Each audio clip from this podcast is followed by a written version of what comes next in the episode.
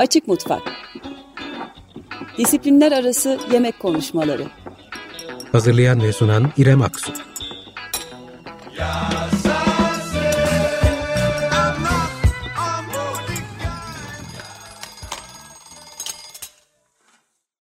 Açık Radyo Açık Mutfak'tan herkese merhaba. 52. yayın döneminin son programını yine değerli bir konukla birlikte tamamlayacağız bu hafta.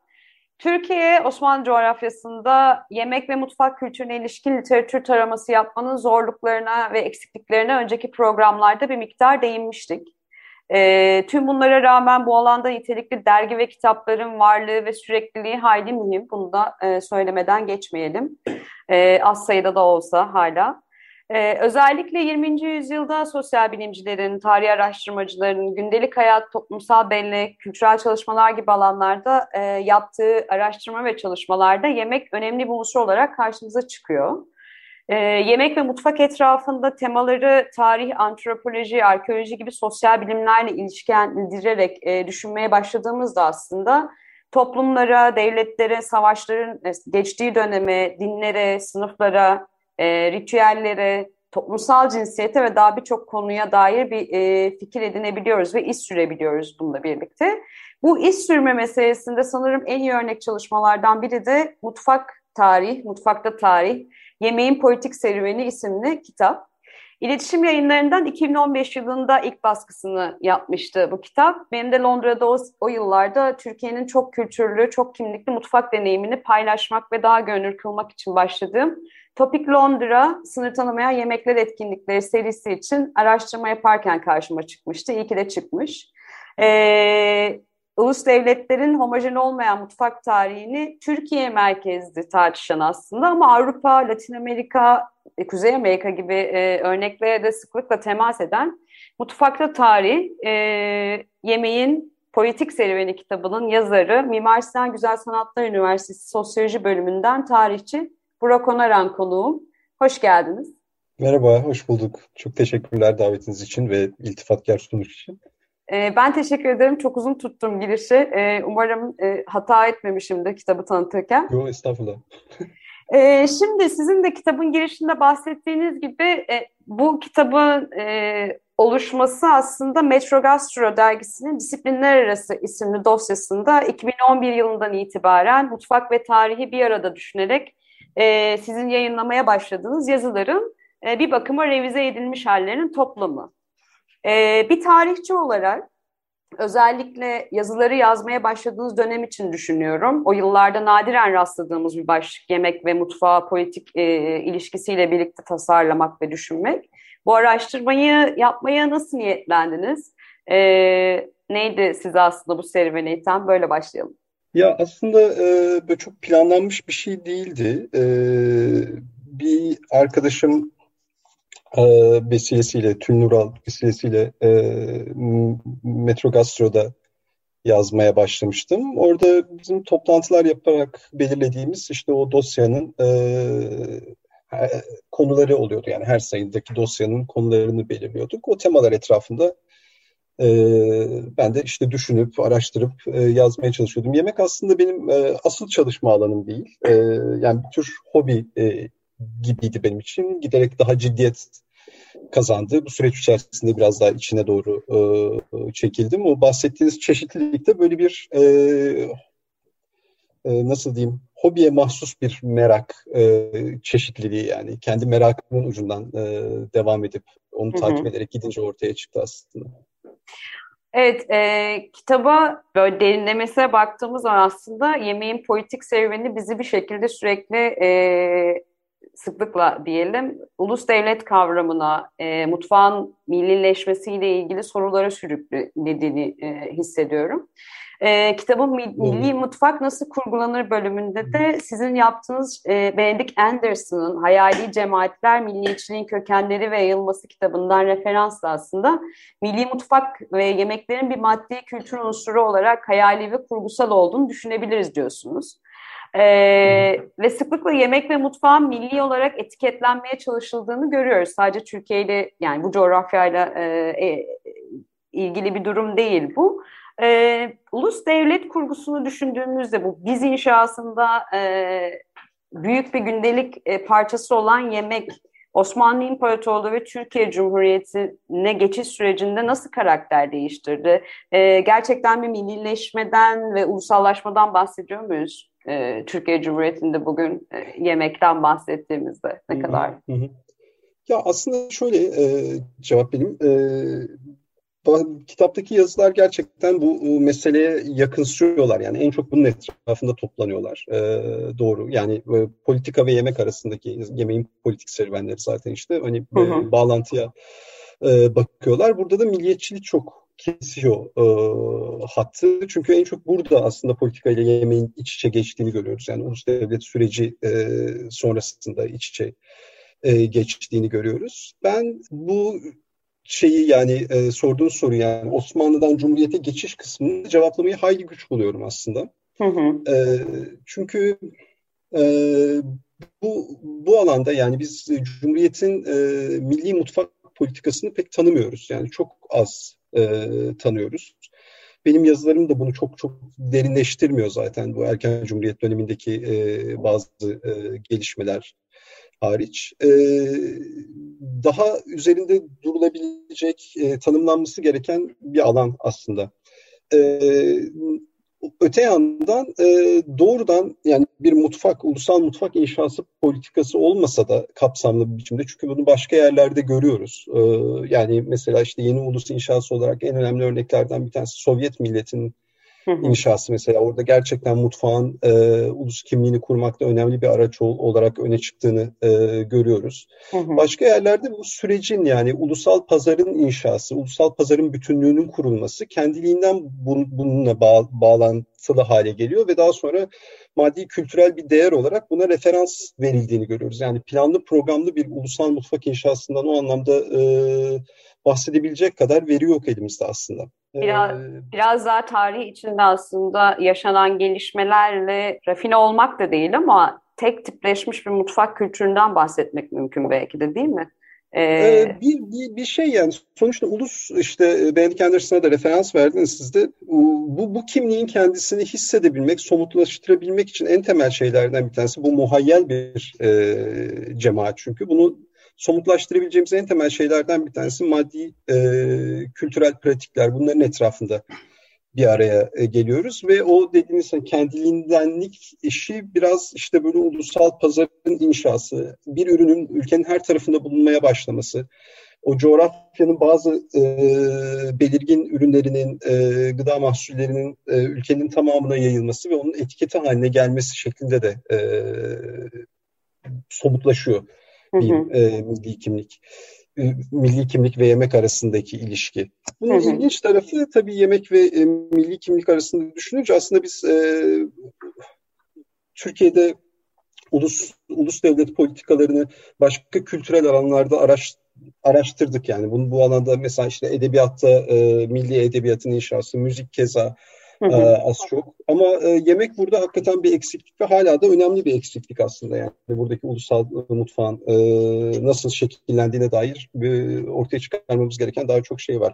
Bu birazcık kaynak e, yani literatür taraması yapılacak kaynak problemimiz olmasından da kaynaklanıyor sanırım değil mi? Daha önceki konuklarımla da özellikle yemek kitapları yayıncılığı üzerinde konuştuğumuzda bu literatür taraması yapmanın e, zorluklarından bahsetmiştik. Siz de benzer şeylerle karşılaştınız mı? E, örneğin çok fazla e, dönemin farklı dönemlerine yayılmış, e, birazdan bahsedeceğiz. Gazetelerde çıkmış işte yemek yazarlarının varlığı e, ya da e, Türkiye Cumhuriyeti'nin erken yıllarında domuzla ilgili, domuzun yenmesiyle ilgili e, yapılan araştırma sizin yaptığınız.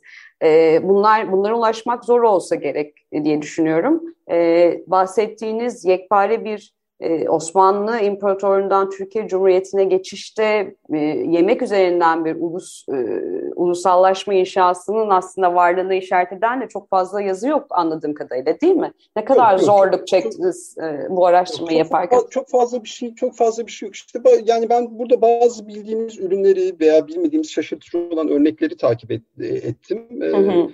Yani gerçekten zor e, erken Cumhuriyet döneminde bu tür şeylerin izlerini sürmek. Sandığımızdan yani ben aslında Osmanlı tarihi daha çok e, benim alanım ve e, e, yemekle beraber biraz daha Cumhuriyet arşivleri, Cumhuriyet tarihi arşivleriyle ilgilenmeye başladım ve benim için şaşırtıcı bir şeydi. Yani bu alandaki e, zorluk daha kolay olacağını varsayıyordum doğruyu söylemek gerekirse ama daha zor oldu. Mesela işte zikrettiğiniz e, domuz meselesi. E, erken Cumhuriyet döneminde domuz etinin e, helal kılınmasına yönelik bazı e, mütereddit çabalar, e, onu iktisadi olarak ondan faydalanmaya yönelik devlet girişimleri e, gibi şeyler var. Yani onların izlerini parça parça bir yerlerden çıkarmak e, gerekti kuşkusuz.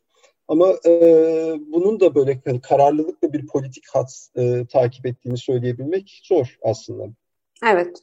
Ee, buradan şöyle bir e, bölüme geçeceğim. Yine kitabınızda e, sıklıkla karşılaştım. Benim de üzerine çok düşündüğüm bir mesele.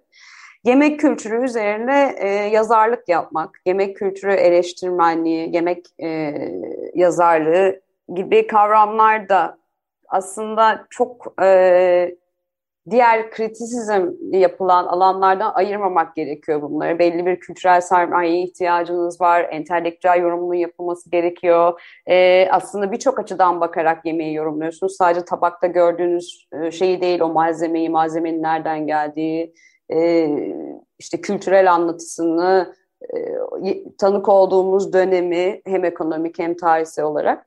Bunun e, çok böyle çepeçevre yapıldığını söylemek zor Türkiye'de maalesef. E, sizin bu yemek kültürü üzerine yazdığınız bölümde örneğin Burhan Felik'in 1975 yılında Milliyet Gazetesi'ndeki köşesinden bir alıntı yapıyorsunuz. Orada da diyor ki galiba pazar günleri televizyonda yemek tarifi yapıyorlar. Ben bunlardan birkaçına rastladım. Bir kabil yemek reçeteleri ve tarifleri başka memleketlilerde de yapılır ve meşhur ahçılar ve artistler bu işlerle uğraşır. Çünkü oralarda gastronomi diye bir ilim vardır. Bunu Osmanlıca e, mideviyat ilmi diye tercüme edebiliriz. Gene oralarda gastronom denilen ve gene Osmanlıca işkembe perver sözüyle işkembesini seven diye tercüme edebileceğimiz yemek yeme sanatkarları vardır e, diyor alıntı. Başka memleketler diye bahsettiği yerlerde tabii Fransa geliyor ilk akla. Ee, siz de Fransız devriminden sonra yemek alanındaki gastronomideki literatürün yazımını ne kadar etkilediğinden bahsediyorsunuz. Şimdi bu coğrafyayı düşündüğümüzde Türkiye'ye e, Fransız devrimi olmadığı aşikar e, yemek kültürü yazımında ve eleştirisinin gelişmesini etkileyen ne gibi tarihsel mihenk taşlarına rastlıyoruz? Fransız devrimi gibi bir şey olmasa da buna benzer radikal bir etkileşim var mı tarihte? Ne gördünüz yemek yazarlığı üzerinde? Evet. Ya şimdi şöyle aslında bir, bir tür e, e, şöyle bir bağlantı kurulabilir gibi geliyor. Bir tür e, yani yemek yazını tarihini e, sürekli bir demokratikleşme, genişleme içinde görebilmek mümkün. E, işte bu Fransız devrimi sonrasında o, bu yazının ortaya çıkması, restoranların ortaya çıkmasıyla paralel hı hı. bir şekilde e, gelişen bir süreç. Onun içerisinde ortaya çıkıyor. Dediğiniz gibi işte ilk e, isimlerde mesela işte e, Grimaud'la Renier e, aynı zamanda bir tiyatro eleştirmeni. E, eleştiriyle yemek meselesini bir araya getirerek başlıyor e, buna. E, bir anlamda işte saray mutfağının, e, sarayların, e, aristokratların mutfağının, e, aşçılarının açığa çıkması, oradaki restoranlar, o çeşitliliğin artması, burjuvazinin bu restoranlara devam etmesi ve dolayısıyla parayla bu, bu lüksün, bu e, şatafatın satın alınabiliyor olması, bu yemek kültürünün satın alınabiliyor olmasıyla beraber gelişen bir rehberlik hı hı. işlevi var. Ee, bizde e, 19. yüzyılda buna denk gelebilecek bir şey yok. Ee, bir karşılığı yok. Yani benzer bir restoran kültürü de olduğu söylenemez. Zaten çok, uzun dönemler e, boyunca biz buna denk gelen bir yazın görmüyoruz. Ama bu yemekle ilgili hiçbir şey olmadığı anlamına gelmiyor. 19. Ee, yüzyıldan itibaren işte basılı yemek kitaplarının ortaya çıkması, işte gazete köşelerinde e, çıkan özellikle kadınlara mahsus yemek tavsiyeleri falan gibi şeylerle yavaş yavaş gelişen 20. yüzyılda fasılalarla bazen şehrin içerisinde nerede ne yenilebileceğini anlatan bazı örnekler tespit edebilmek mümkün. Fakat illa bir milat yani tam nerede bu hakikaten başlamış diye bakmak gerekiyorsa bizim için 1980'ler yani 1970'lerin sonu 1980 80'lerin başı e, denilebilir.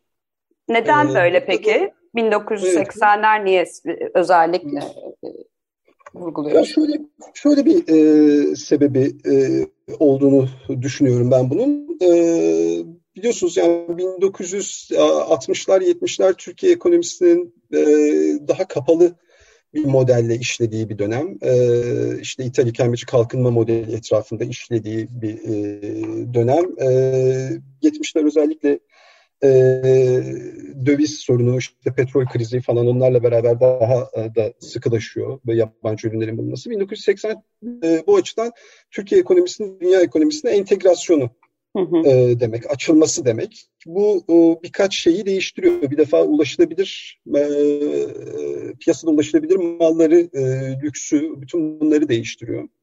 Buna paralel giden bir başka şey de e, turizm. Turizmin 1980'lerde çok hızlı geliştiğini biliyoruz Türkiye'de. Bu evet. hem iç turizm hem e, yabancı turistlerin gelmesi. Bütün bu faktörler bir araya gelince bu bu zevkin dışarıda yemek yemek, aynı zamanda bu 80'lerin bir başka şeyi orta sınıfın e, genişlemesi e, meselesi de buna dahil oluyor. Burada bir şeyler yavaş yavaş başlamaya başlıyor. Çok belirgin çünkü tarih yani başka faktörler de buna eklenebilir ama tarih aşağı yukarı burası. 78'de ilk defa Atilla Dorsay e, bir yazı dizisiyle başlıyor. Ha, evet doğru e, 80, evet. 82'de galiba değil mi?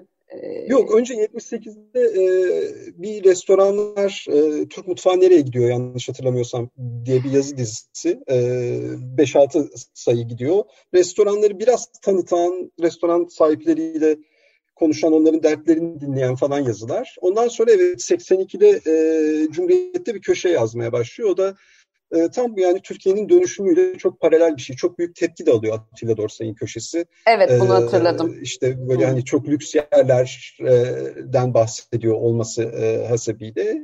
Hemen ardından e, kapanıyor 83'te. 83'te e, bu sefer Milliyet'te e, Ceylan Orhun bir köşeye başlıyor.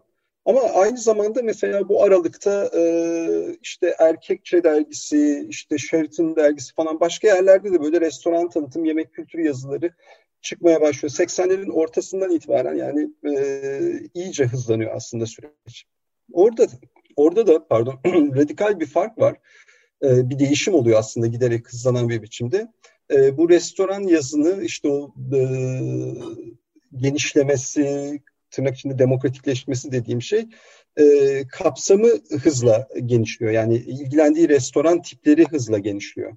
İşte esnaf lokantaları bunun içine girmeye başlayacak, gazetelerdeki değerlendirmelere girmeye başlayacak. Ee, işte bu hoş ilk Atilla Dorsay'ın yazdığı seri içerisinde de böyle şeyler var. Yani işte Rumeli Kavağı'nda nerede ucuza yenir falan gibi, nerede ucuz ve iyi yemek yenir gibi şeyler var ama nadir. Bu, bu, bu bir de böyle ayrıca bir e, kanal e, gelişecek. Günümüzde tabii yani başka bir aşama o e, artık e, herkesin kendi deneyimini e, paylaşmasına imkan veren araçların e, da ortaya çıkmasıyla beraber e, müthiş bir çeşitlilik var alanda. Yani böyle bir değerlendirme e, şeyinde tabii yani televizyonlar falan arada bir de onları da unutmamak lazım tabii.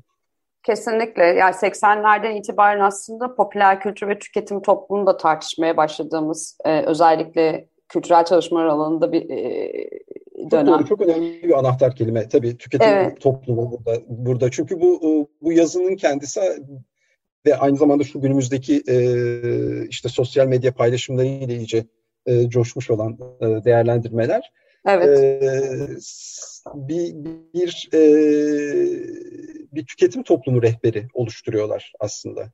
E, ve e, orada sadece e, aslında sa- sadece tüketim toplumu rehberi de değil, onun ötesinde bir gözetleme de e, ulaşamayacağınız şeyler hakkında e, fikir almak bir tür hı hı. E, tırnak içinde pornografik bir şeye doğru da dönüşüyor. Evet yani e, şey garip geliyor şu, şu anda aklıma geldi yine e, bu 70'lerde yazılanları düşündüğümüzde e, köşe yazarlarını şu an tam nerede olduğunu hatırlamıyorum kitabınızda ama şeyden bahsediyorsunuz. Bu e, sadece o köşe yazısını yazan ve e, aslında sınıfsal da bir şeye işaret ediyor ve onun etrafında o masayı paylaşabilecek insanların izlediği bir e, yemek yazarlığı şeyi var, e, tarzı. demokratikleşme dediğimiz meseleyle aslında hem daha fazla insan ulaşıyor. E, aslında bu izleyenlerin sayısı ve mekansı olarak e, erişebildiği yerlerin genişlediğini görüyoruz. Ama bir yandan da e, tüm bu eleştirilere olanak veren ya da eleştirme meselesini e, düzgün bilmiyorum doğru kelime bu mudur düzgün yapabilmek ama e, az önce bahsettiğimiz kültürel sermayesi olsun olmasın ya da yemekten anlasın anlamasın bu bağlantıyı kurup kurmasına bakmaksızın herkesin yazabildiği de bir e, alana dönüşüyor. E, evet, şimdi evet, kesinlikle. Bu benim açımdan şöyle bir e, problem. Yemek kitapları tarihine bir miktar e, bakmıştım daha önceki programlarda araştırmak için. Şimdi e, savaş döneminde İngiltere'de yazılmış yemek kitaplarında gerçekten nasıl survival yani savaş döneminde eldeki şeylerle ne yapılabilir gibi şeylere denk geliyoruz yemek kitapları ya da Amerika'da keza böyle. E, ya da ekonomik krizin olduğu yıllarda e, fiyatlar yükseldiği için bir sürü sebze meyve alamadığı için ya da et alamadığı için alternatif olarak sakatat mesela yemeklerin çok öne çıktığı dönem e, bir yemek kitabına denk gelmiştim. Türkiye'de buna benzer bir okuma yapmak e, ne kadar mümkün? Şimdi 80'lerden sonrasına da bakıyoruz. E, yine e, şey bir dönemdeyiz, kritik bir dönemdeyiz aslında. E, kitabında biraz dışına çıkarak sizin kişisel gözleminizi sormak istiyorum. E, bu e, yemek yazarlığına ya da eleştirmenliğine ekonomik ya da politik dönemeçler ne kadar yansıyor burada? E, ne görüyoruz içinde? Ya bu buna gelmeden önce bunu unutursam hatırladım buna cevap vermeden önce bu e, çeşitlilik şeyin e, artması arada geçerken ona bir şey söylemek istiyordum. Yani e, bu bir nitelik kaybına yol açıyor dediniz ya. bu, bu sanırım sadece yemekle ilgili değil yani bu, bu bir, bir, bir, bir çeşitlilik, bir çok seslilik ve bir nitelik kaybı var hemen her konuda bu o, enformasyonun artıyor olmasıyla ilgili. E, yani söylenenlerin niteliğinin ötesinde aslında kimsenin kimseyi pek dinlemediği bir zeminin de ortaya çıkmış olması e, bana e, en rahatsız edici gelen. Bu yemek konusunda da böyle. Yani o kısa polemiğin kendisinin daha fazla öne çıktığı bir alan e, olması, daha, e, daha fazla öne çıkıyor olması e, her alanda ve en hafiflanacak olan şey daha önceki periyotlara baktığımızda bu bir birikim birikerek bir şeye dönüştüğünü görüyoruz. Şimdi sanki böyle ortaya saçılıyor ve sadece anı geçirmemize yarıyormuş gibi. Yani e, böyle bir video akışlarını takip etmek gibi herhangi bir sosyal medya platformunda onun gibi geliyor. O kısmı acıktı. Bu şeye gelince bu, ekonomik e, dönüşümler ne kadar e, etkili oluyor. E, çok şaşırtıcı yani bazen tersinden de oluyor çünkü. Yani, hı hı. yani bir taraftan evet oluyor. Yani daha, hatırlayanlar olacaktır eminim. Yani Türkiye'de böyle mutfağın e, kriz dönemlerinde 70'lerde e, özellikle işte böyle mercimeğin ön plana çıkartılması gibi. Ee, böyle İkinci Dünya Savaşı civarında bir patates e, yine e, Türkiye'de de şey yapıyor, e, ön plana çıkıyor. Er, erken Cumhuriyet döneminde işte hemen her yerde olduğu gibi burada da savaş ekonomisi e, et kaynaklarını sorunlu hale getirdiği için onları çeşitlendirmeye yönelik e, girişimler. Doğrudan gastronomi yazın değil ama e, inisiyatifler e, oluyor. E, ama tersinden şeylerde ben çok şaşırtıcı gelmişti bana 70'lere bakarken mesela. E, biliyorsunuz yani 1970'lerin sonu hem büyük bir ekonomik kriz hem de e, işte düzen petrol krizi sebebiyle dü, düzenli elektrik kesintilerinin yapıldığı falan böyle bir e, ama gazetelerdeki e, tariflere vesairelere baktığınız zaman aslında piyasada ol, olduğu hayli şüpheli olan e, ürünleri görüyorsunuz. İşte e, avokadolu tarifler falan bile gördüğümü hatırlıyorum yani 1970'lerin sonunda. Veya işte e, Hayat Dergisi'nin, e, kitapta da bahsediyordum ondan kısaca, Hay- Hayat Dergisi'nin e, e, uzunca bir e, periyot, işte bir, bir 4-5 sayı boyunca işte e, derin dondurucunun marifetlerinden bahsetmesi gibi bir şey. Yani İstanbul'da düzenli olarak 5 saat elektrik kesilen bir e, zaman dilimi içerisinde bunu yapmaya devam ediyor. E, şunu demek istiyorum yani bu sadece e, dedim ya yani bir tür gözetleme ve sizin de hatırlattığınız üzere bir tüketim toplumu meselesi. Arzuyu e, canlı tutmak, e, onu e, tahrik etmeye de yarıyor. Dolayısıyla doğrudan böyle bir toplumsal işlevi e, işlevini ihmal edebiliyor. Özellikle bu şeylerde sizin dediğiniz gibi yani işte İngiltere'deki örnekler gibi bu e, yaygın Amerika'da İngiltere'de savaş döneminde İkinci Dünya Savaşı'nda çok gördüğünüz bir şey. İk, ikame mutfak e, kitapları gibi bir kategori altında değerlendirilebilecek. Ne eksikse onun yerine ne konulabilir? İşte yağsız yemekler, nasıl pişirilebilir? Yağ da önemli bir eksiklik falan. O tür bir alan var. Evet. Ee, ama o böyle biraz daha e, toplumsal sorumluluk e, ve e, onu gözeten başka bir yemek kitabı yazarlığı, gastronomi e, yazarlığı pek oraya doğru e, benim bildiğim kadarıyla şey me mail etmiyor. Ee, burada mı yoksa gen, gen, evren, evrensel olarak? olarak? Yani okay. e, bu bu başka bir e, şey. E, yani böyle iyi bir yemeğin ne olduğunu tarif etmekle ilgilenenlerin derdi başka yani aslında. Evet doğru söylüyorsunuz. Peki e, programın sonuna geldik. Ben e, şimdi dinleyicilerimiz şey düşünmüş olabilir. Kitap 2015'te basıldı. E, niye bu kadar geç konuşuyorsun diye. E, 2019'da üçüncü baskısını yaptı sanırım kitap. Ve konuyla ilgilenenlerin özellikle bu alanda e, kaynak taraması yapmak isteyenlerin gerçekten işine yarayacağını e, ve keyifle okuyacağını düşündüğüm bir kitap olduğu için de e, istedim sizi konuk etmeyi. Yeni bir e, derleme ya da yazı dizisi ya da buna benzer bir araştırmayı toplayacağınız kitap gelecek mi? Son olarak bunu sorayım. Ya hala aralarda yazıyorum ee, ama e, böyle yani yakında böyle bir şey yok. Yani birikiyorlar e, bir, bir bir yanda e, ama daha seyrek bir ritimde birikiyorlar. E, muhtemelen ya bunu genişletmek gibi bir şey e, ya da bir ikincisini yapmak isterim ama e, çok yakında değil yani. Anladım. Yani çünkü sanırım 21. yüzyılda da birazcık e, hani iki, artık 2020'lere geldik ve e, inanılmaz politik ekonomik gelişmeler oluyor hem dünyada hem Türkiye'de. Ee, çok, ve doğru, çok, çok gerçekten. doğrudan evet. etkisini gördüğümüz bir yüzyıldayız. Hem iklim değişikliğinin, su krizlerinin, e, ekonomi politikaların ve savaşların devam ettiği bir yüzyıl maalesef.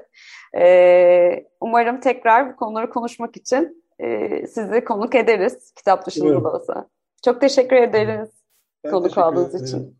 Yeni yayın döneminde Açık Mutfak artık salı akşamları sizlerle olacak. Yine Açık Dergi içinde iki haftada bir disiplinler arası yemek konuşmalarına devam edeceğiz. Bu akşamlık bu kadar. Konuğumuz Burak Onaran'dı. Kendisiyle yemeğin politik serüvenini kısaca konuşmaya çalıştık. İyi akşamlar.